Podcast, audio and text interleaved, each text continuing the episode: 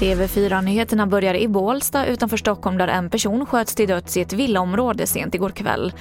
Polisen larmades vid 23-tiden och på plats hittade man den skjutna personen. En person greps misstänkt för mord och motivet är ännu oklart. En snabbtest för covid-19 som köpts in av Region Skåne anmäls nu till Läkemedelsverket via IVO på grund av felaktiga resultat. I april testades 13 fullvaccinerade personer på ett äldreboende i Skåne och snabbtestet gav då felaktigt positiva resultat.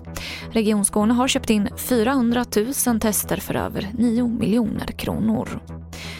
Antalet personer i Sverige som tog emot ekonomiskt bistånd minskade förra året för femte året i rad.